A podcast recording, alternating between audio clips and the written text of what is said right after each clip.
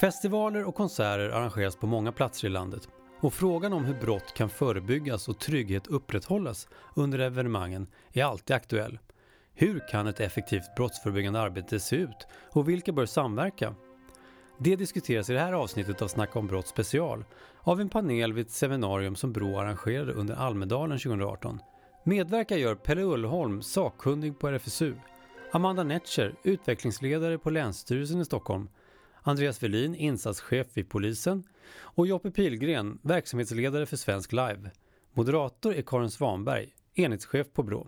Vi ber om ursäkt för bristande ljudkvalitet på inspelningen som gjordes i en föreläsningssal i Almedalen.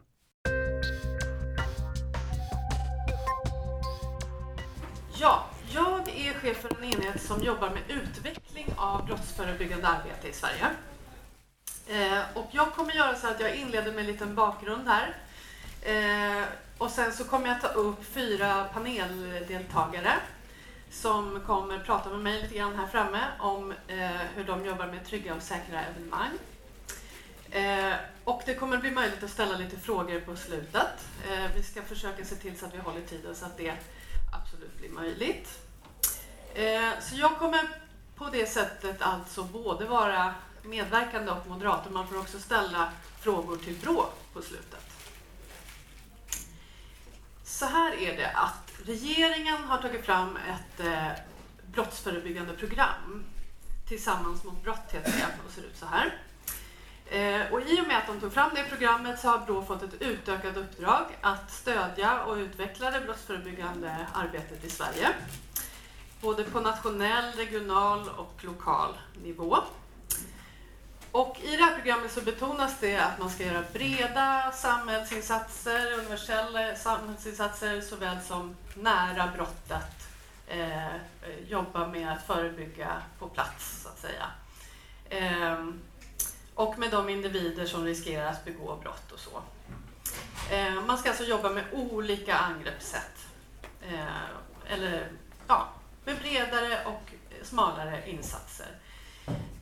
Och av titeln på programmet så framgår ju att man tycker att man ska jobba tillsammans mot brott. Att det är flera aktörer som ska samverka. Eh, och att man ska involvera näringslivet och civilsamhället eh, eh, betonas alldeles särskilt i det här programmet. Och Brå ska enligt det uppdrag som vi då har fått se till att det blir så och att det här arbetet blir mer kunskapsbaserat. Och det Brå menar med att arbeta kunskapsbaserat, det är att man utgår från hur problemen ser ut. Det låter kanske väldigt självklart, eh, men det är faktiskt inte så att det alltid går till på det viset. Eh, och hela den här processen om hur man jobbar kunskapsbaserat beskriver vi i den här eh, samverkanshandboken som Brå har tagit fram tillsammans med Sveriges kommuner och landsting och polisen. Där beskriver vi då hur man tar fram en problembild, hur man gemensamt eh, identifierar orsakerna till de här problemen, hur man sen kommer fram till olika lösningar och vilka aktörer som kan medverka till att lösa de problemen.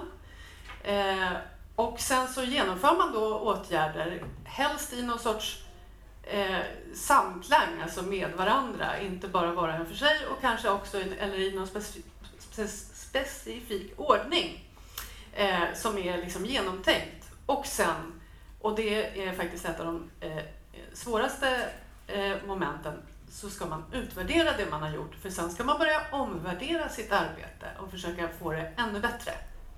Så det här är ju inte en helt ovanlig snurra, verksamhetssnurra, men den beskrivs just när det gäller det brottsförebyggande arbetet i den här.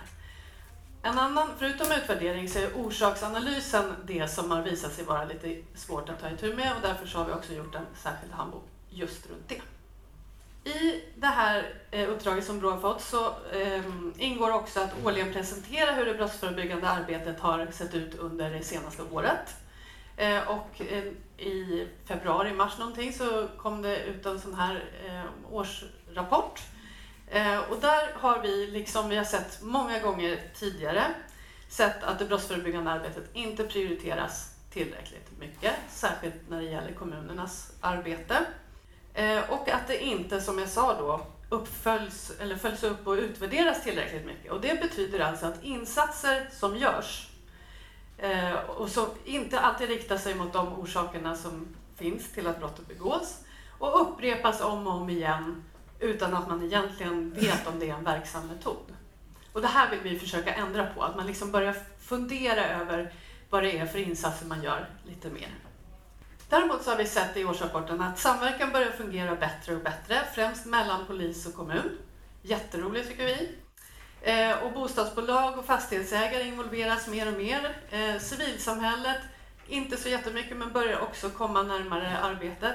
Näringslivet känns fortfarande mest Eh, långt ifrån arbetet kan man säga. Vi ser i de här undersökningarna som vi gör att det, eh, lokala aktörer ofta utgår från en plats eller ett evenemang eller en, en händelse när de diskuterar det brottsförebyggande arbetet. Det är ganska händelseorienterat så. Det kan till exempel handla om centrummiljöer och eh, resecentrum och sånt. Och senare i veckan så kommer vi ha ett seminarium även om sånt arbete. Skolavslutningar är också ett sånt tillfälle som man jobbar ganska aktivt i samverkan runt för att se till så att det blir tryggt och så. Och många orter och även mindre har ju faktiskt någon typ av stadsfest eller evenemang där ortens befolkning och ibland stora mängder inresande människor kommer till, eh, till det här evenemanget. Och eftersom det är många människor som möts, precis som på resecentrum eller så, så kan det alltså uppstå problem. Det är en ganska eh, känd eh, kriminogen Eh, faktor att liksom många människor i möten så här, och särskilt om det också finns alkohol, eh, så uppstår det ehm, eh, problematiska situationer. Men ett sånt här evenemang kan ju också vara som en stadsfest till exempel. Det kan ju vara en sorts tongivare eller som ett skyltfönster för exempelvis en kommun. Eh, ett sånt här kan man, ju signalera värden eh, som är viktiga för samhället som helhet och inte bara vid det här aktuella tillfället som är. Eh, det kan ju handla om exempelvis miljöarbete eller hållbarhet eller hur vi beter oss mot varandra på olika sätt. Det är ju också många som är ansvariga runt ett evenemang, som har intressen i ett evenemang, på gott och ont kanske. Eh, det kan bli att ingen tar ansvaret eh, när det gäller brotts och trygghetsfrågan eller så ja, det blir kanske inte omhändertaget. Men det skulle också kunna innebära att många aktörer har ett intresse av att verkligen omhändertar just den frågan och bidrar till lösningar för att det ska kunna fortsätta eh, finnas ett sådant positivt sammanhang. Ja, med den lilla bakgrunden tänkte jag ta upp ett gäng som har då jobbat intensivt i samverkan med eh, att försöka göra någonting positivt med sådana här evenemang. Välkomna upp säger jag till Andreas, Amanda, Joppe och Pelle om ni ska få presentera er själva lite mer ingående här.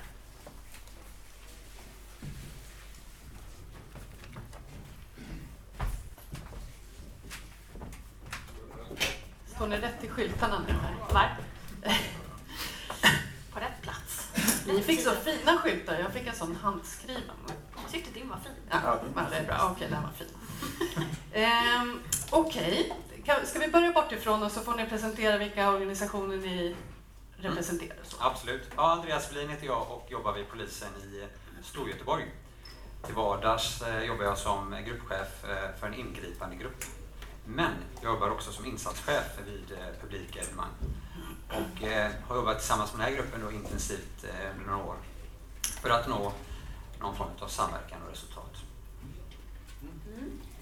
Joppe Pilgren heter jag och eh, jobbar med en organisation som heter Svensk Live och vi samlar ungefär, lite svårt att veta, det går upp och ner i vår verksamhet, men eh, ungefär 200 arrangörer och det är allt från små musikföreningar som gör några spelningar per år och till eh, de allra största festivalerna. Vi har lite nöjesparker med som Liseberg och Grönan och sådana här. Så att det är stort och smått i vårt, vårt gäng kan man säga.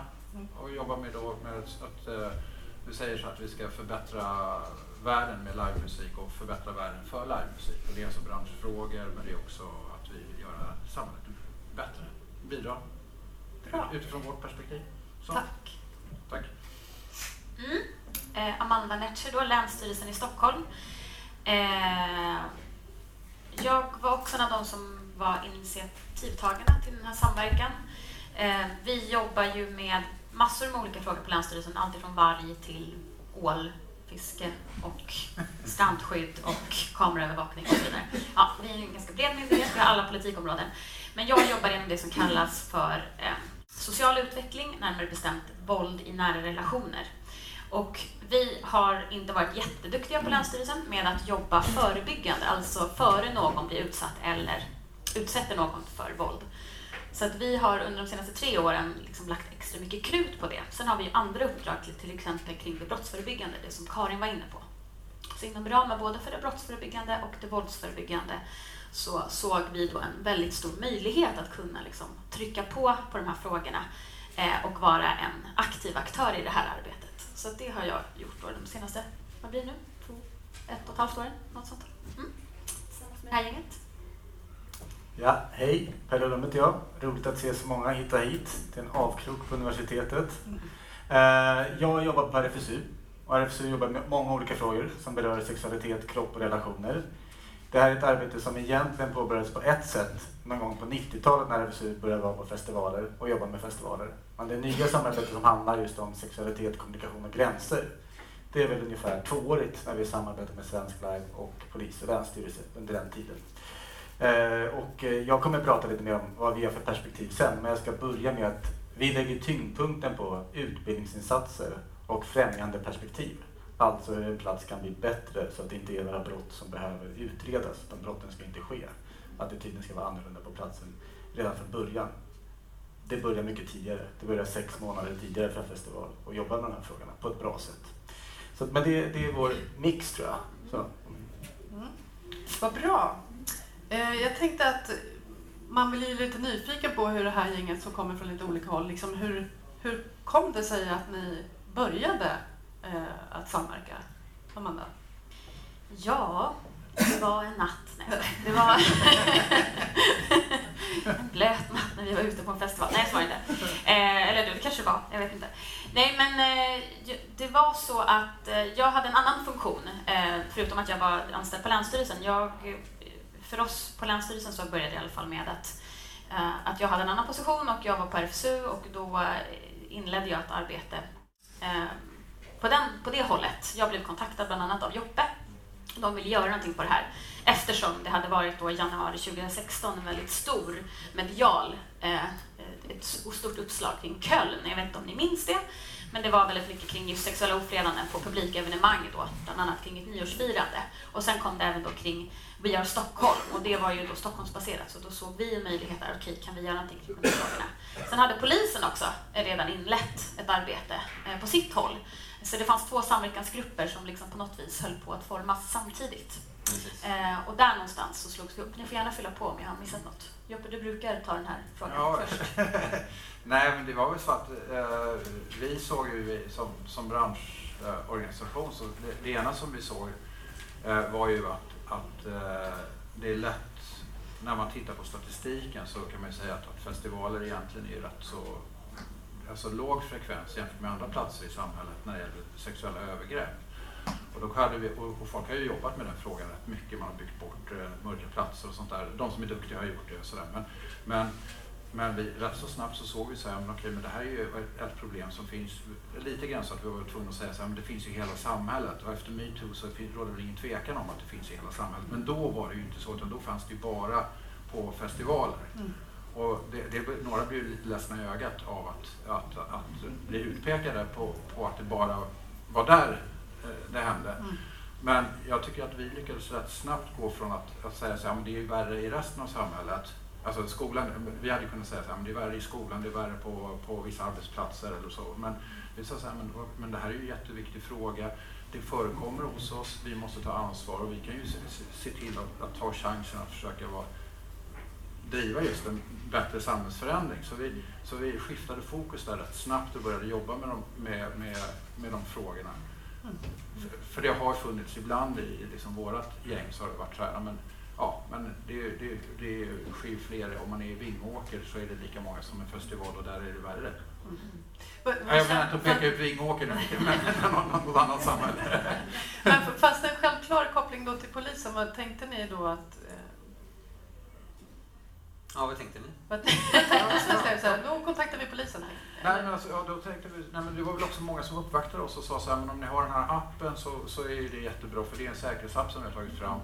Och, och så, och, och det är ju lite så här som det här, ja, man tänkte inte på det, den, den gamla tv-serien. Så här, ja, därför att när jag är på, på en festival så får jag ju smsen på vägen hem när jag sitter på tåget hem dagen efter och säger så här, Joppe kom till baren, vi är där. Det är liksom, det är Per och Annika. Vi, vi, alltså, så, alltså man försöker lösa man försöker hitta universella lösningar, man försöker hitta maskiner som gör att, att vi eh, blir säkrare. Men ungefär som om man har en sån här flygplanssecurity, då kommer allting bli säkert. Och det är klart det kanske ökar säkerheten, men, men vi kände ju väldigt tydligt att det, här, det handlar om normer, det handlar om värderingar och det är ett långsiktigt arbete. Då, då kontaktade vi faktiskt, då hade vi det här samarbetet med RFSU där vi kände så att vi måste ha någon som kan frågor om sexualitet och normer och värderingar. Mm. För vi kan ju det fast vi kan ju det på, in, inte så bra inom det här området. Så, och då så sa min styrelse som, som är väldigt, eh, vad ska man säga, krävande eh,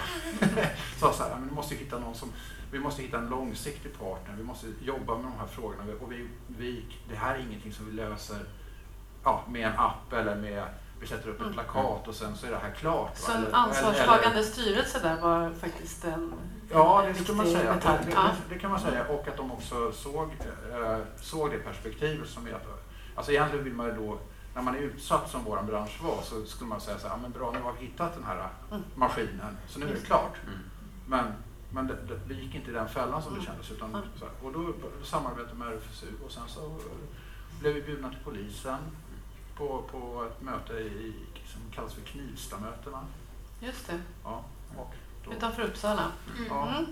Vad intressant. Nu, och det här, nu hoppar vi fram lite grann i ja. tiden. Då har ni alltså tagit fram en utbildning runt det här hur man ska jobba runt en festival. Eh, och då undrar vi ju lite, hur går det då till när man ska skapa ett tryggt evenemang? Hur gör man liksom? Vad säger ni på den utbildningen om vi nu kan få en crash course här lite, lite snabbt? Får man bara stanna vid framgångsfaktorerna? Ja. Eh, apropå liksom varför det blev just det här gänget. Jag tror ju också att vi behövde en regional aktör, apropå att du pratar samverkansmodell. Mm. Att vi behöver liksom både nationella aktörer, vi behöver regionala och lokala aktörer. Och vi mm. behöver involvera allihopa i alla led för att det ska bli någon förändring, för att det ska kunna sippra ner. Det går inte att vi sitter på en hög topp och så sitter vi och tror att det liksom ska hända någonting liksom i leden, utan vi måste mm. göra det som ett gemensamt arbete.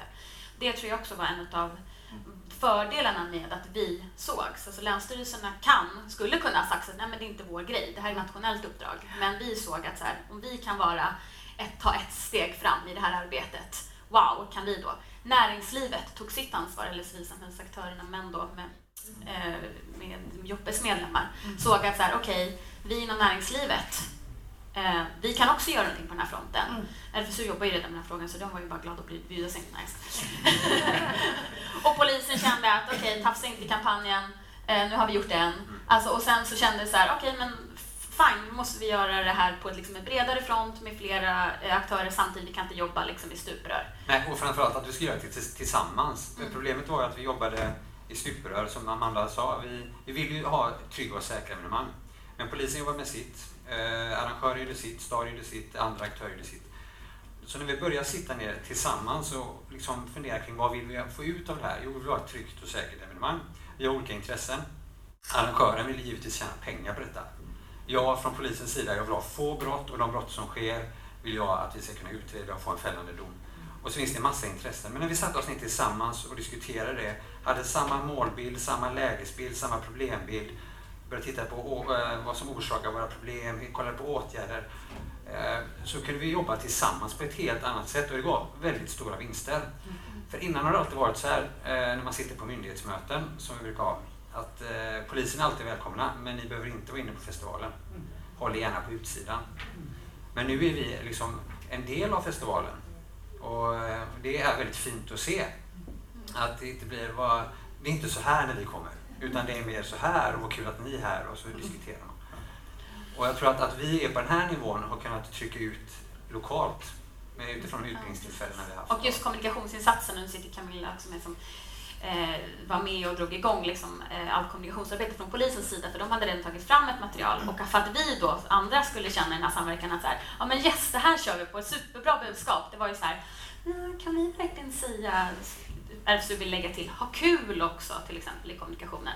Polisen, nej kan vi säga det? Känn man verkligen ha, känn dig fri var det Ja. kanske. Ja. Men det var ändå det där liksom så här med värdeord och sådär. Får man verkligen känna sig fri och göra vad man vill? Kan vi säga. Alltså, det var väldigt mycket liksom prat om det för att hamna i en gemensam målbild. Alltså vart vill vi i världen? Vilket också är en av framgångsfaktorerna att jobba med universella insatser tidigt innan vi behöver skuldbelägga någon för någonting. Att vi ser att så här, okay, vi har en tro och en förhoppning om att ni som kommer på ett evenemang, ni har goda intentioner, ni vill väl, vi gör det här tillsammans, vi tar ansvar allihop. Mm. Då blir det lite lättare, tror jag. Just det. Som utbildningen, förlåt. Jag vill Ja, ändå- jag vill ju fortfarande ha en crashkurs. Ja. Ja, men man kan säga så här då, utbildningen innehåller olika delar men vi fokuserar ganska mycket skulle jag säga på det som är ett aktivt åskådarskap. Hur skulle man kunna vara mer aktiv? Och det berör inte bara personer som besöker utan det berör artister, det berör eh, också framförallt arrangörer för utbildningen är riktad till arrangörerna, hur de ska se på de här frågorna, hur de ska kunna stärka sin här kompetensen.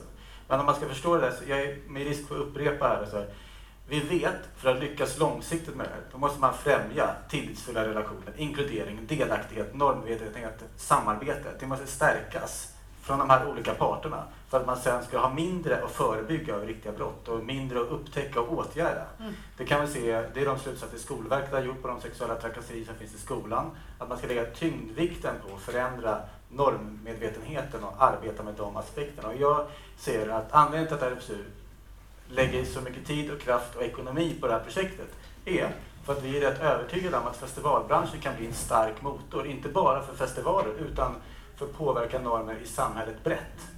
Eh, på ett annat sätt än bara den platsen. Så att säga. Eh, för jag tänker de som går den här kursen som är kanske någon som är volontär i Piteå Dansa och Ler, går ju inte den kursen där och sen så tar den inte med sig den kunskap som den har fått. Den tar ju med sig den kunskapen någon annanstans. Den, den blir påverkad av den här kursen som vi håller, eller blir påverkad av vad festivalen bjuder för alternativ och synsätt på att sexualitet kan vara någonting positivt och man kan gränsa när det är på väg att bli någonting annat tidigare för att man har en grundpositiv idé om vad det skulle kunna vara ett positivt möte. Så att det, det är liksom det som ligger till grunden. Så det blir lite sådär Eh, nu ska inte, men när vi säger så här, frihet och sådär. Så det finns ganska mycket forskning och ganska mycket fakta som pekar på att om man tar den här ansatsen att samarbeta, stärka förmågor som redan finns. För det är det man inte ofta gör. Man ser problemet och så vill man lösa problemet. Och man ser det som finns positivt och stärker det som också är bra samtidigt som man kan se problemet. Det är komplext. Så, så kan man nå mycket längre så att säga. Så det är viktigt att se det perspektivet för att minska de här brotten i förlängningen. Universell och indikativ. Må, många kan liksom skriva under på att man har sett den här våldspyramiden. Så man tänker sig de här till exempel ord och Eh, begränsningar, föreställa begränsningar, kränkande behandling, det leder till grovt våld. Få har sett motsatt pyramid för att minska det där. Och det var det som jag beskrev tidigare, alltså där, tillitsfulla relationer, normmedvetenhet, likabehandling, samtal. Om det kommer först som en bas.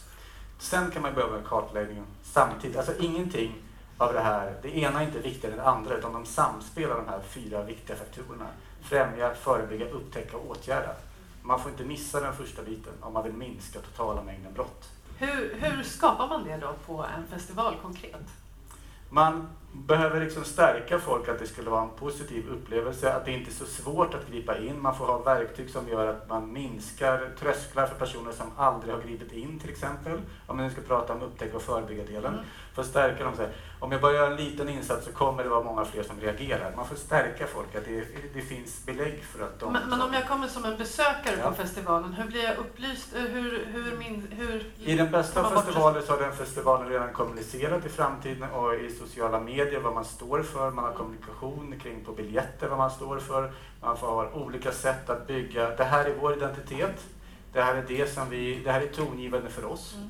Att man jobbar långsiktigt både med personal eh, men också att man bjuder in besökare till att dela den åsikten på något vis. Höja den åsikten, höja den normen. För det, som jag sa förut, det finns många olika normer i en sån här stor grupp. Och de flesta personer bär både på positiva och negativa erfarenheter och positivt och negativt agerande som person. Och vi vill stärka, främja det, stärka det positiva. I och ett varje... sätt är ju Alex-filmen. Ja. Det är ett väldigt bra exempel. Det finns en film som mm. vi kan berätta om senare vad man ja, tittar nu, nu pratar vi ganska mycket om sexuella trakasserier här och så. Eh, det finns ju, man kan tänka sig att det finns andra typer av brott som kan hända på en festival. Hur tänker polisen runt liksom helheten när det gäller brott och trygghet på en mm. festival? Vi, vi tänker så att vi pratar om brott vid publikevenemang. Mm. Och eh, kring det specifika publikevenemanget så tittar man på, problembilden. Och Way Out West då i Göteborg till exempel har inte problem med sexuella ofredanden. Mm. Det, är, en helt annan publik, det är en helt annan festival. Då finns det ju andra problemområden att jobba med, så man får inte bara fokusera på det. Och vi lever idag i en värld eh, där terrorn har krypit in och kommit väldigt nära oss, så det är en av våra stora frågor också. Mm. Så man, jag vill att man pratar om brott vid publikevenemang. Mm. Och där ingår de sexual, alltså sexualbrotten lika väl som fickstölder och misshandel mm. och narkotika och så vidare. Då. Och då när ni har den här utbildningen, pratar ni om helheten då eller? Ja, vi pratar om helheten. Ja. Och tillsammans med den här filmen som, eh, som vi nämnde här så har ju polisen tagit fram ett utbildningsmaterial som bygger på de, alltså de brotten som är vanligast, mest förekommande vid publikevenemang, alltså misshandel. För att prata med volontärer, funktionärer, serveringspersonal och ordningsvakter, ge dem kunskap om rekvisiten för de här brotten. För många av de här ungdomarna som jag har träffat, vi har varit med och utbildat ja, nästan 1200 eh, volontärer och funktionärer i Göteborg vet inte vad ett sexuellt ofredande är. För det har blivit så legitimt att man kallar folk för det ena och det andra och man tar på varandra på, eh, på sätt. Jag har även mött målsäganden som blivit utsatta för brott som bara, jag var med om att en kille kom fram och tryckte upp sitt kön i rumpan på mig. Det kändes inte bra. Nej, du har blivit utsatt för ett brott. Men hon, hon var inte säker på om det var ett brott. Så det handlar om att ge de som arbetar med publika evenemangen också kunskap kring det. Och där har vi sett effekter mm. då. Just det. Eh, vi, ska, vi ska komma till det alldeles strax. Det finns eh, lite resultat vi ska Men, presentera. Jag vill bara säga det, för det, det ena är ju då alltså, vad vi gör är vi har digitala utbildningar, så, men vi har ju då åkt runt till, på, jag vet inte hur många platser, vi har varit på sju kanske. Mm. Plus att jag har varit ute och träffat lite mindre grupper och säkert flera poliser och andra. Så här, att, att vi har, då har vi utbildat i bland annat samverkansmodellen som ju är väldigt Alltså, den, den begriper man ju på nolltid mm. kan man ju säga. Så, så, så det finns ju en sån sak. Och sen finns det ju en, alltså, jag tycker också finns andra perspektiv. För att om man, om man tänker så här att eh, trygghet är en sak. Nu vet jag inte om det här är rätt enligt, enligt det, olika preventionsmetoder och grejer. Ni kan ju de här frågorna på ett sätt bättre än vad jag Men, men om, med, om jag liksom reserverar mig för det så kan man säga trygghet och säkerhet pratar vi om. Och lite grann så traditionellt så har man sagt så här, men säkerhet, ja men det är bra, då har vi polis och ordningsvakter, då är det klart. Så har vi en säkerhetsansvarig. Ja, och så kör vi. Mm. Då sköter de det. Det är uppdelat eh, liksom. Ja, ja men lite så. Alltså, nu, nu, tycker jag att det har ändrats med, med, bland annat med det här. Men, men vad vi pratar om det är ju då, som när du säger att du har utbildat 1200, mm. då handlar det ju om att om den som säljer bärs har koll på alkohollagstiftning och, och, men också håller ögonen öppna och öronen öppna för vad som händer. Om, om den som eh, det står en knall och säljer lakritsremmar någonstans. Så, så man, om man försöker involvera så många som möjligt av dem och då kan vi inte ge kanske jättelånga utbildningar och sånt där. Men om vi säger så att alla som jobbar på till exempel en festival eller en klubb mm. eh, är, är engagerade eller har kunskap, åtminstone vet okej, okay, här om du ser det här så har vi, ja, om du ser ett sexuellt övergrepp, ja, då, har vi, då har vi ett litet kort om vad ska man göra för någonting. Man ska ta hand om brottsoffret, man ska försöka gripa förövaren och så vidare. Så, så, så det Då trygger man ju personalen. Ja, så, så, men också så, så, att man säger så att ja, men, det, är, det är inte då bara polisen och ordningsvakten som är och säkerhet, utan det handlar om trygghet och att involvera många fler. Och sen så och det som Pelle pratar om det är också då att man kan ju också involvera eh, publiken. Och, då, och, och, så tycker jag om man tittar på de här filmerna till exempel så kan man säga så här. Men jag brukar säga så här att, att, att eh, hur, hur ska man gå in som man i, i en situation? Det har ju du lärt mig Pelle. Så här, ja, men då tror jag att jag ska gå, gå, gå fram och så klubba ner förövaren. Och jag liksom, göra envarsingripande heter det kanske? Precis. Ja. och, så, och, så, och så då befria tjejen och sen så är allting, så är allting klart. Det är klart. Vit hästväg i ja, men, men liksom, och, så, och så tänker man att det, det är en del, del av en, en, en mansroll och, och kanske tro det. Men sen så när man börjar titta på, på, det finns en annan strategi för i den här filmen. Jag börjar tänka så här att om jag ser någonting som händer och är lite förberedd på det, då kan jag ju fråga så här, ja men du spelar ju Hellacopters. Om jag ser att någon håller på att göra någonting. Ja, nej det gör jag inte. Jo, men jag är helt säker på att du spelar Hellacopters. Nej, det gör jag inte. Jo, men jag kommer, fan vilket bra riff du gör på den här andra låten. Där, alltså när du, går, när du liksom går från G till, till F och sen så den där, ja den slingan den är skitbra. Som en avledande man. det är liksom confused cat lite grann. nej, man kan, man kan, nej, men så jag bara säga att det öppnar ju upp då för, för, för att man kan börja tänka på hur agerar man och hur agerar man utifrån från sina alltså, värderingar, mönster som man egentligen har, har, har i sig. Och då så förstår jag att jag, jag, ska inte gå, jag ska inte öka vålds, våldet genom att om jag kan slå ner någon. Utan jag kan ju det är ett väldigt konkret exempel på vad en, en individ kan göra, eller ja. en man i det här fallet. Då. Ja. Eh, finns, det, finns det några andra exempel på som, som era utbildningar lett eller som ni har sett på någon festival där ni har liksom tänkt om i förhållande till en problembild eller gjort liksom... Um... Men vi har ju pratat mycket om det här. När jag träffar de här 18-19-åringar som jobbar här och får en tygpåse och en vattenflaska, det är det de får som lön om man säger. Mm. Så pratar vi mycket om vad, vad, man kan göra och gärna att man gör det i ett tidigt stadie. Och det handlar mycket om vem man vill vara. Vill man vara den som, inte ser, som bara ser på och sen ska... Ja, jag, jag vågar inte göra Jag är inte polis, jag är inte stor och stark. Men då sa du, jag har sagt det till dem att men då ska du också leva med det att du har sett någonting, uppmärksammat någonting som inte du valde att ingripa mot. Och det kan vara så som eh, Joppe, så man kan bara gå, man kan låta som man dansar in eller gå fram och ställa en fråga eller påkalla andras uppmärksamhet. Andra volontärer, ordningsvakter eller polis och så vidare. Då. Det finns många som hjälps åt. Mm.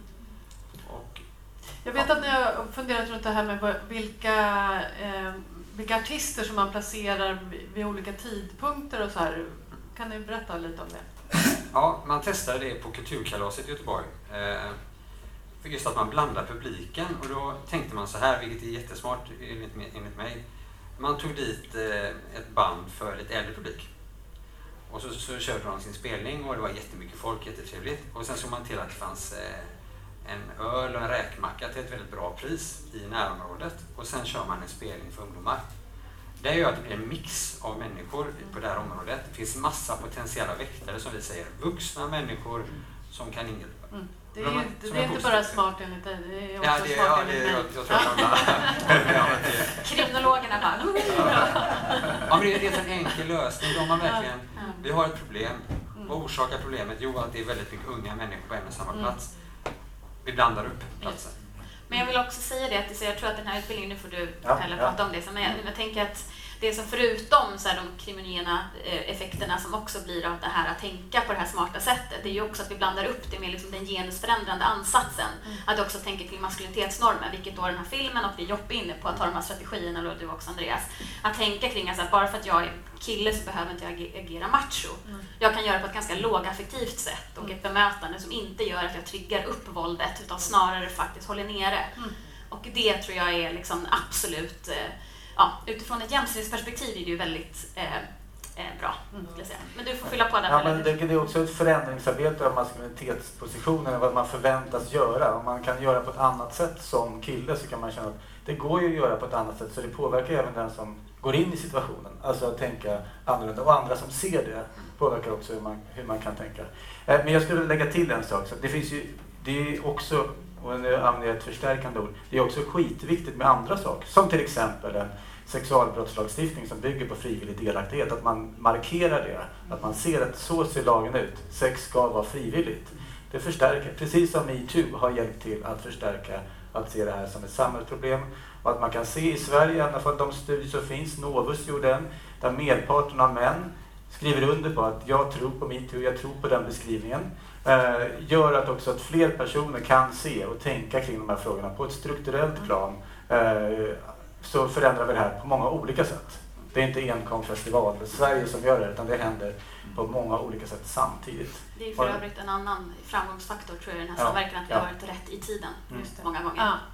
Vi har ett erfarenhetsseminarium samma dag som metoo drar igång till exempel. Det är ett ganska bra mm. val. Jag, jag tänkte på det här med alkohol och sådana som, som eh, säljer alkohol på festivaler och så. Hur pigga är de på att liksom eh, förändra sina rutiner i samband om man nu Jag har väldigt god erfarenhet av det. Mm. Eh, just att vi har samma målbild, att det här ska vara ett, ett tryggt evenemang.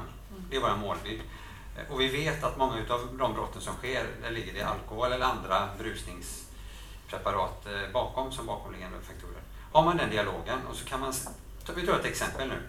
Eh, Summerburst i Göteborg som gick av stapeln för några veckor sedan. Då såg vi att inom ett serveringsområde så var berusningsgraden på väg upp. Det var 30 grader, jättevarmt ute. Då tar vi dialog med krögaren och arrangören. Eh, ut med vatten nu. Det är vatten vi erbjuder först och så tar vi ner antal enheter. Du får köpa en bärs, en cider, ett glas vin. Det är det du får köpa, inte fyra, fem. Eh, Och då kan man ju se att då sjunker brusningsgraden och sen kan vi köra på igen. Mm. När man har den förförståelsen för Man varandra. har diskuterat det innan. Ja, att man precis. Att vi har olika strategier. Och det handlar inte om att vi från polisens sida ska vara de tråkiga som sätter stopp för det roliga. Mm. Utan för att vi vet vad konsekvensen blir Mm. om det blir för många berusade här inne på det här området. Och det vet jag också, om man är en skicklig och kunnig arrangör så förstår man ju också att det har ett långsiktighetsperspektiv. Mm. Och, och, och visst, vi ska inte sticka under stol med att vi behöver ju då, flera av våra medlemmar behöver ju då förstås sälja bärs för att gå runt. Men Mm. det gäller ju att göra det på ett bra sätt. Va? Just det. Och då och kan man göra det så, Mm. så, så, Så blir så det... blir det, Ja. nej, men det blir en bättre upplevelse. Ja. Man köper, alltså, nej, men, alltså, även om man tänker på det kommersiellt, då säljer man ju då, om det var trevligt på Summerburst, ja, då säljer man nya biljetter till Summerburst och så kanske man kan sälja nya öl på Summerburst också nästa det. år. Det- Men vi måste ju också förstå det från polisens sida att det handlar ju om att arrangören vill tjäna pengar och det gör man genom att sälja alkohol eller andra drycker. Att just för förståelsen för varandras. Bra. Jag, jag har ju utlovat nu att vi ska prata lite grann. Det är nämligen så att det är en, eh, en forskare på Göteborgs universitet som heter Fredrik Granhag som har genomfört en studie, en utvärdering av eh, några av de här festivalerna som är utbildade i, i, av er och eh, som har jobbat enligt samverkansmodellen och så vidare. Eh, och eh, vi kommer att avslöja några av resultaten även om det inte är, de inte är, vi ska säga att de är preliminära fortfarande. Eh, men de kommer att eh, presenteras efter semestrarna någon gång. Eh, vad, vad är det som du har sett är mest positivt i de här resultaten, Andreas? Ja, det, är, det är jättefina siffror. Är det. Eh, han har ju tittat då på både öppna festivaler, alltså en stadsfestival dit alla är välkomna, eller en festival som Way Out West där du betalar för att komma in. Eh, det han har sett är att eh, om man jämför 2016 med 2017, antal anmälda sexualbrott vad gäller sexuella ofredanden, så har de sjunkit med 70 procent på de här sex festivalerna han har tittat på, eller publikevenemangen. Och på de två mest utsatta så har det gått ner med 90 procent ungefär. Eh, och vi inom polisen, vi tror inte på slumpen. Eh, utan att det, det finns någonting bakom det här. Och då har jag ju tittat då på vad det beror på, eller kan tänkas bero på. Och då handlar det om att man har ökat kunskapsnivån hos de som arbetar med det publika evenemanget. Man har jobbat med informationsträffar, man har skapat tillit till varandra och att man gör detta tillsammans. Polisen med arrangören, staden och andra aktörer. Vi gör detta ihop mot ett gemensamt mål. Eh, det är en av faktorerna. Eh, den andra faktorn är att vi har tillit till varandra. Alltså polisen har tillit till arrangören och så vidare. Alla som ingår i evenemanget. Vi har tillit till varandra, eh, vi har tillit till varandras kapacitet och vi låter också eh, att vi låter samtliga aktörer agera. Och det finns en vinst från vår sida. Om arrangören tar sitt ansvar så kan vi från polisens sida fokusera på vårt arbete. Och då, en effekt av det är att på vissa publika evenemang har vi dragit in med en ganska stor resurs. För vi behövs inte vara där. För arrangören tar sitt ansvar med ganska enkla medel. Eh, sen finns det givetvis i utvärderingen eh, förbättringsmöjligheter. Då. Eh, att vi måste bli bättre på att utvärdera våra, våra genomföranden. Vi måste ta tillvara på den kunskapen som finns. Och det är ju en utmaning. Vad säger ni om de här resultaten? Ni har ganska nyligen fått reda på dem själva. Vad är era spontana reaktioner? Så först är det vi ju preliminära, Mm. så man ska vara försiktig och tolka det. Det är bara ett år som har jämförts. Och om polisen är inte på slumpen så kanske det finns sån sannolikhetslära och sådana vetenskapliga begrepp som man kan använda sig av för att just titta på sannolikhet eh, för om det skulle vara slumpen eller inte. Och det antar jag att vi får lite mer reda på sen när, när Fredrik berättar mer om hur utvärderingen har gått till. Och så där. Men Eh, men so far jättelovande resultat. Jag menar, trots att allmänningsbenägenheten har ökat i samhället så ser vi ändå en trend av att det har minskat. Man skulle kunna tänka sig det absolut raka motsatsen. När vi pratar till exempel i våra kommuner om, att, eh, liksom, om våld och vi synliggör våldet då går ju oftast anmälningarna upp i en kommun mm. och socialtjänsten har svårt att hinna med att utreda dem eh, för att det blir sånt tryck. Så det är ju oftast den vägen man brukar gå, eller se. Mm. Mm. Eh, så att, ja, det är väl jätteroligt mm. än så länge. Ja, det, det, tycker jag ni ska ta till ja. Väldigt glädjande. För, för, det har ju ökat i riket ja. under samma period, Precis. så det har ökat med 2-3 procent. Precis. Så, mm. Totalt sett. Så på det sättet är det ju jätteroligt. Ja. Mm. Det är vi ser fram emot den här helheten som kommer så småningom. Då. Mm. Um, jag tänkte... Och lite överraskande skulle jag säga. Alltså, ja. jag, jag, hade, jag trodde inte att det skulle att bli det så. Skulle nej. Bli så. nej. Jag trodde mer skulle vara så här, nej vi kan inte säga någonting och det har inte gett någon större effekt utan det skulle ligga väldigt liksom, ja. lika över tid. Liksom. Hur, hur många, jag vet att det inte går att säga exakt, men hur många sådana här evenemang är det nu som är utbildade eh, och som, som omfattas av det här? Alltså, hur, hur stort är det här som ni har gjort nu då?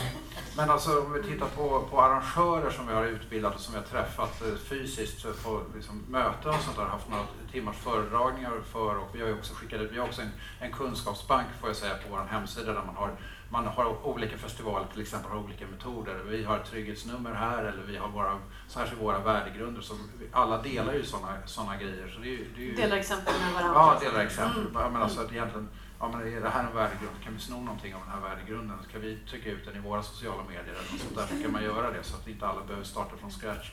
Uh, men när vi har utbildat, alltså, vi har väl utbildat alla festivaler i, i, i uh, vårt nätverk ungefär lika många till så jag skulle säga kanske en gissning uh, 80.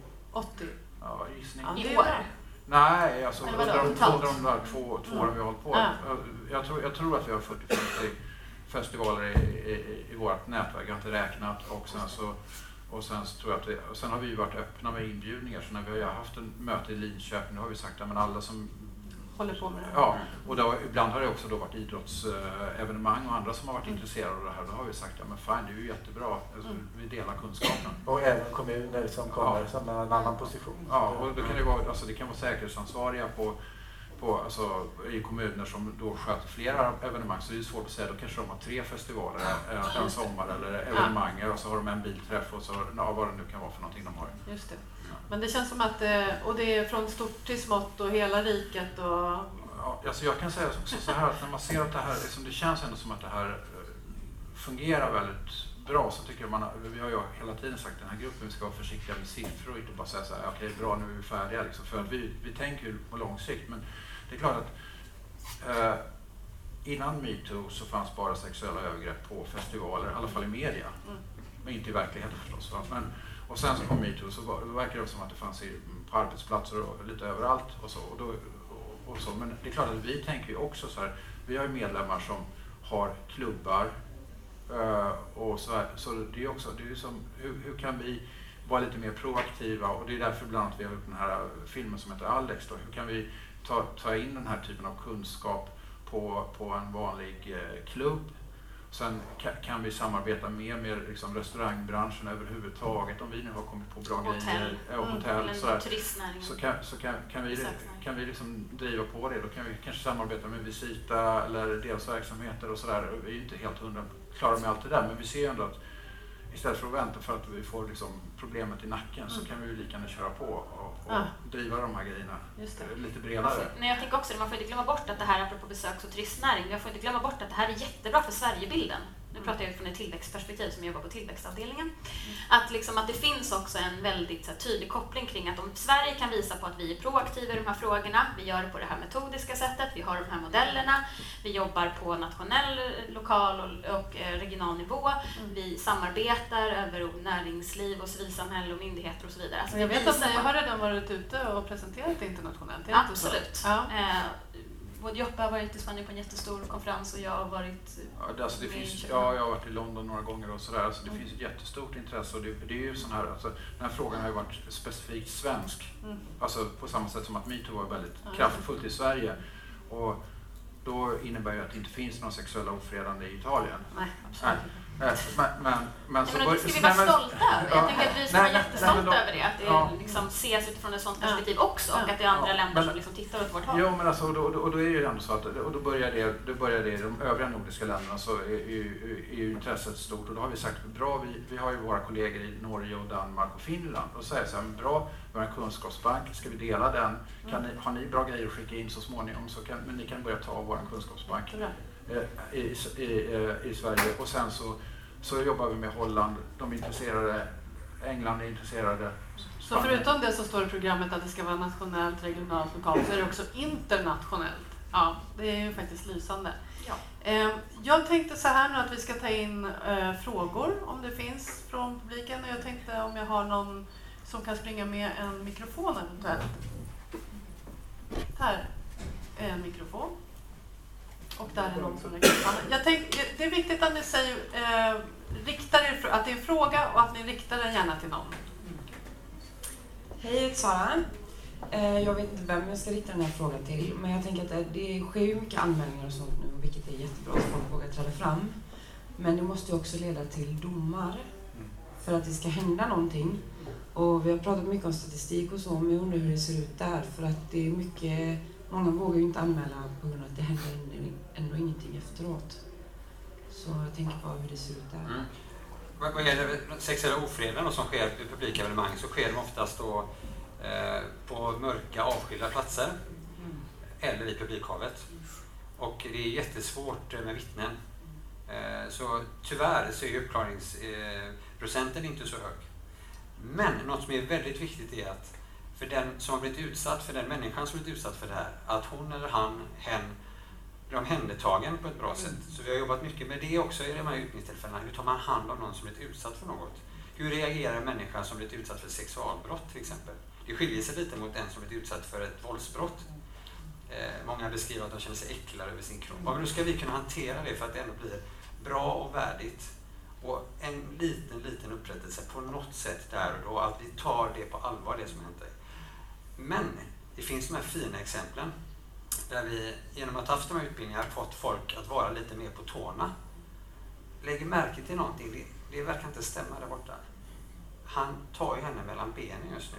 Det är inte rätt och jag måste göra något. Det är en volontär som ser detta. Eh, uppmärksamma flera volontärer. Någon kallar på ordningsvakt som kallar på polis och vi kan gripa honom. Jag vet inte om det hade hänt ändå. Jag hoppas att det har hänt ändå. Jag vill ändå tro att genom att man ökar medvetenheten hos de som arbetar så får vi också mer resultat. Men det är svåra, svåra brott att reda ut. Det ska man ha med sig. Det, ja, och det beror inte kanske beror delvis på oss, för vi har ju så himla mycket att göra och balanserna växer. Men det beror också på att det är avsaknad av vittnen och avsaknad av gärningsman. Vi har haft våldtäkter i publikhaven där kompisen har stått bredvid, eh, nej i detta fallet en flicka som blev utsatt, som inte har sett eller märkt något. Så det, det är svåra brott. Vill du säga? Eh, Men jag tycker det finns, den nya lagstiftningen, jag är inte jurist eh, så tar jag här med en nypa salt. Men det som är viktigt är, det har kommit något som är o- o- eh, oaktsamhetsrekvisit. Så att om man gör en handling som man borde ha förstått att det här kan vara oönskat så måste man vara tydligare med att ta reda på det. Man kan bli dömd även om man inte har en tydlig intention. Och det är en stor förändring som gör att det är möjligt att man kan tänka sig att en person faktiskt blir dömd enklare än tidigare. Så Och det ville vi också. Ja, men precis. Fin- och sen så är det så att kopplat till det här, i utbildningen finns också med en liten film som jag har gjort om Frozen Fright som gör att man kan förstå mer om att sju av tio personer reagerar med att frysa om de blir utsatta. Så att man får mer kunskap om att man inte har den attityden som varför gjorde du ingenting? Eller hur kan man bli våldtagen i ett publikhav? Då måste man också veta att ett våldtäkt kan vara fingrar uppe i, i en kroppsöppning. Eh, man måste ha den kunskapen med sig och den försöker vi förmedla på ett sådant sätt som att man begriper mer varför det kan hända. För begriper man det, då litar man också mer på den som är utsatt. Man, de sakerna hänger ihop, tänker jag. Så det finns många saker som jag hoppas går åt rätt håll. Men den här strafffriheten som har varit, alltså det är ju så, det här brottet är ett av de brott som, får man säga, färskt, personer blir dömda för. Alltså, eh, ett väldigt lågt antal blir dömda för de här brotten. Och det är det vi försöker jobba emot genom att brotten inte då begås. Alltså det man måste jobba långsiktigt för att de inte ska begås, för det är också en del av att de är så svåra att bli för. Uh, vi har gjort en liten film med Sara som är vår förbundsjurist som sitter där nere. Och sen ser jag med en liten bit på slutet som handlar just om den nya sexualbrottslagen. Och den har vi gjort tillsammans med Metro TV. Så det är bara att gå in på Metro TV och se de filmerna så finns det flera exempel på, på hur man kan jobba och hur man kan förstå den nya lagstiftningen på ett enkelt sätt. Och det kan också vara en bra utgångspunkt för en diskussion. Så här ser den nya lagstiftningen ut. Vad tänker du om det? Alltså, ska man nå folk utifrån det perspektivet? Finns det några ytterligare frågor? Här har vi en.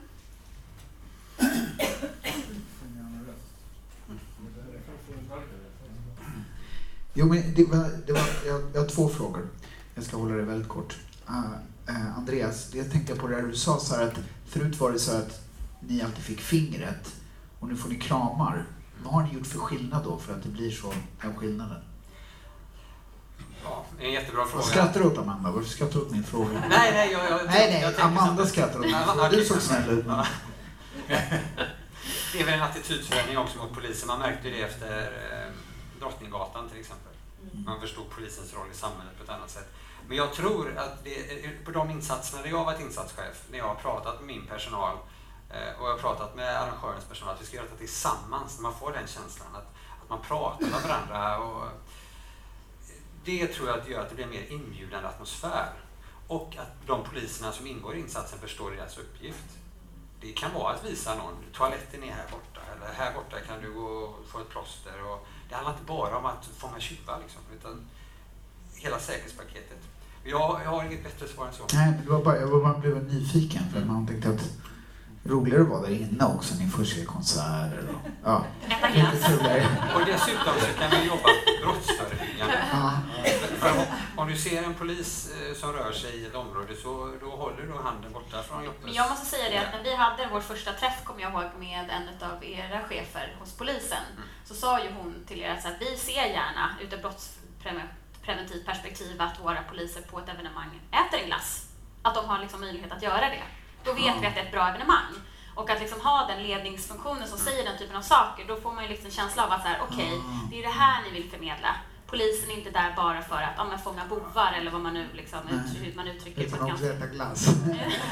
Det, det, var ju, det var ju inte publiken som pekade finger åt polisen utan det var ju arrangörerna. Nej, men jag förstår, jag, nej, men jag förstår, att, det- men jag förstår att det är, också, att det är både och. Jag måste bara säga något som jag har sett. Måste, alltså, det, det, det är liksom bemötande som jag tror har skett genom att man faktiskt möter varandra. Det är jättestor skillnad. Alltså, man förmänskligar varandra. Poliskåren var bara en kår förut.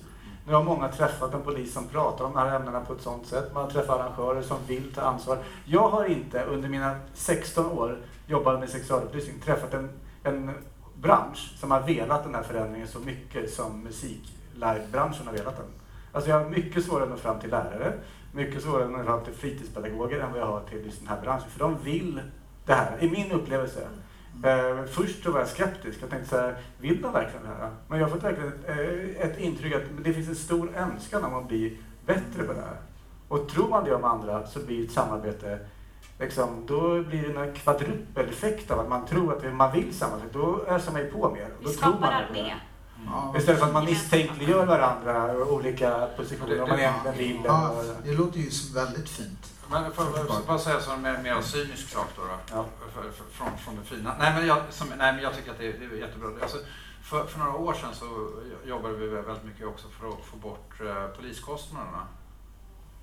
Och det är klart att det också har hjälpt, skapat bättre möjligheter för samarbete. För annars så kostar ju Andreas 920 kronor i timmen.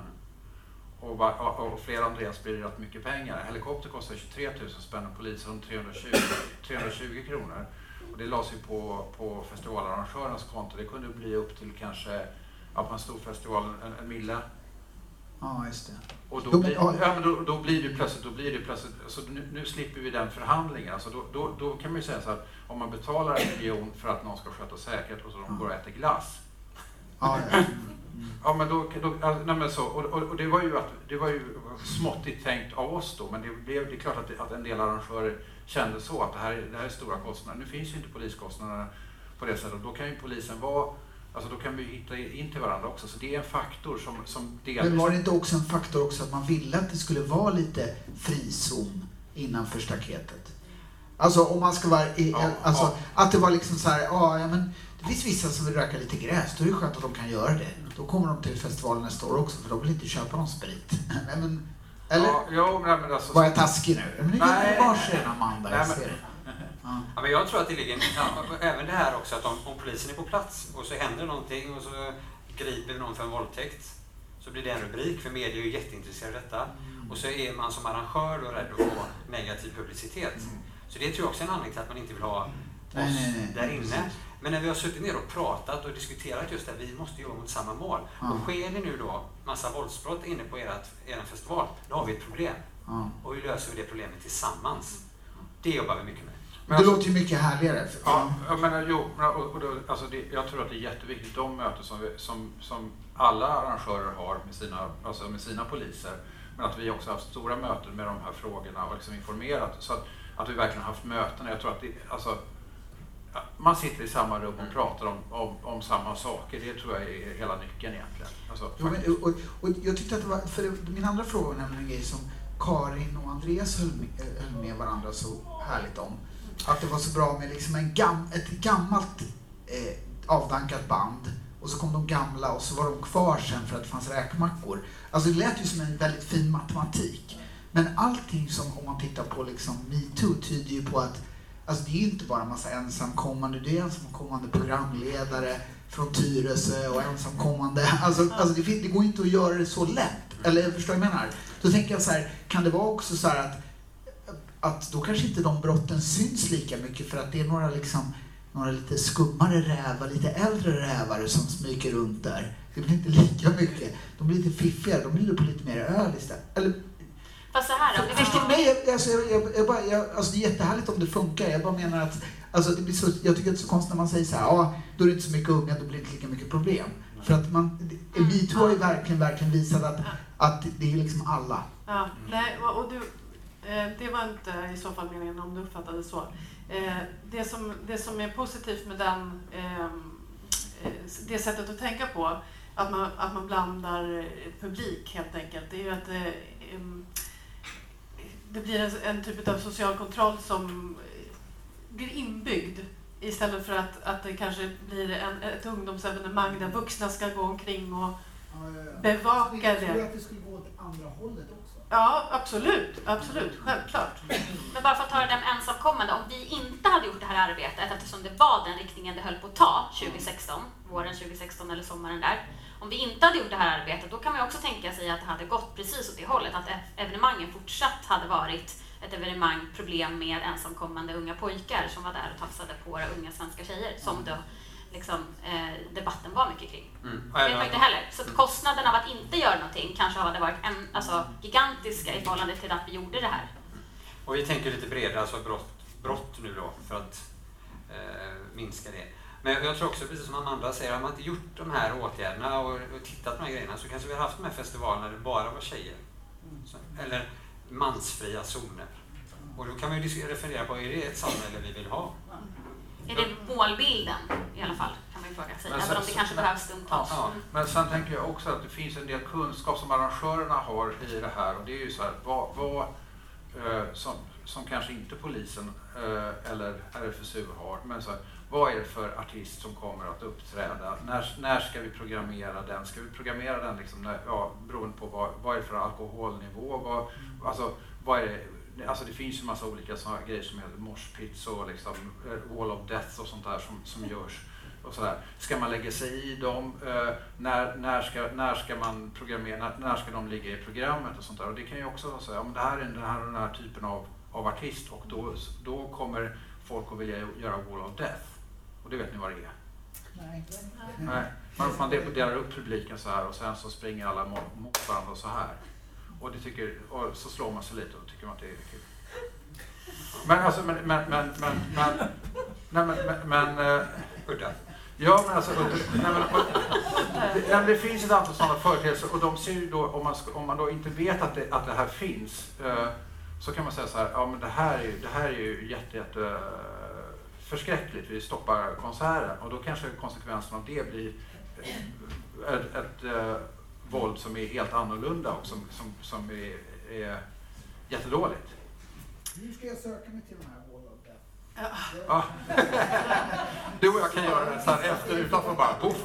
Hörni, eh, nu är det så här att tiden börjar faktiskt rinna ut. Det går fort när man har roligt. Eh, verkligen jätteroligt. Eh, kort om det är så att ni vill tillägga någonting om vad man kan hitta information om det ni gör nu. Om ni tar... Mm, vem tar det? Mm. Ja. Nej, vi på, på vår hemsida så har, har vi en kunskapsbank och sen så är det ju så att man kan ju kontakta oss helt enkelt för att få, få information om, om, eller man kan ringa mig. Jag, mitt, mitt telefonnummer finns på hemsidan, min mailadress finns på hemsidan och sen så kanske man vill ha Pelle, du finns på RFSU. Ja. Mm. Och jag finns på Länsstyrelsen. Ja, och Länsstyrelsen får man också gärna ta kontakt med Ja. runt om i landet. Och du finns hos Ja, polisen. och, och polisen finns ju överallt också Ja. så att eh, man kan kontakta sin lokala polis. Ja, men, nej, men det är också, Ja, polis, jag tänkte också det. Och intranätet Ja. som jag ibland får uppmärksamma arrangörer om. Ja, polisen.se såklart. Ja. Nej, men alla poliser, ni har ju gjort ett material så alla poliser via polisens internet, det kommunicerar vi till våra arrangörer så här, men eh, även om polisen själv inte vet, den lokala polisen själv inte vet att det finns det, Så finns det. så finns det och då kan ni bara fråga polisen om det. Och berätta för polisen. Ja, men det är klart. Ja, men så har det varit ibland när vi har varit ute. Implementeringen tar lång tid. Ja. Ja, precis. Så är det. Men vi hjälps åt i det här arbetet. Ja, precis. Och det det- är där kan man lägga. Man kan väl lägga till att det finns fler som hjälps åt. Det finns fler civilorganisationer Absolut. som jobbar. Det finns olika sätt att känna att man kan jobba med sin festival. Det här är ett övergripande samarbete som fylls på med massor med andra lösningar. Eh, på, beroende på vad festivalen själv vill och vad den har för ambition Behov. och eh, Mm. behov. Liksom så. Det kan vara jätteviktigt. Och eh, vi kommer, att- den här utvärderingen som Brå har gett eh, finansiellt stöd till kommer alltså presenteras någon gång efter semestrarna. Så det Och vi kommer ha ett erfarenhetsseminarium i höst. Man är jättevälkommen till. Där vi också kommer dela sommarens erfarenheter Så igen. nu tänkte jag tacka den här förtjusande panelen som, där liksom moderator är överflödig. Eh, med att, eh, att eh, ni ska få något som i festivalsammanhang säkert är bra att ha och som ju också heter någonting som kanske är vanligt i festivalsammanhang. Det är ett first aid kit. Eh, så får ni det. Så. Tack Karin. Bra, Tack. härligt. Och eh, tack Brå för att ni eh, är så himla gulliga och bjuder in oss till sådana här Tack. tillfällen. Vi är jätteglada för det. Applåd. fortsätt gärna.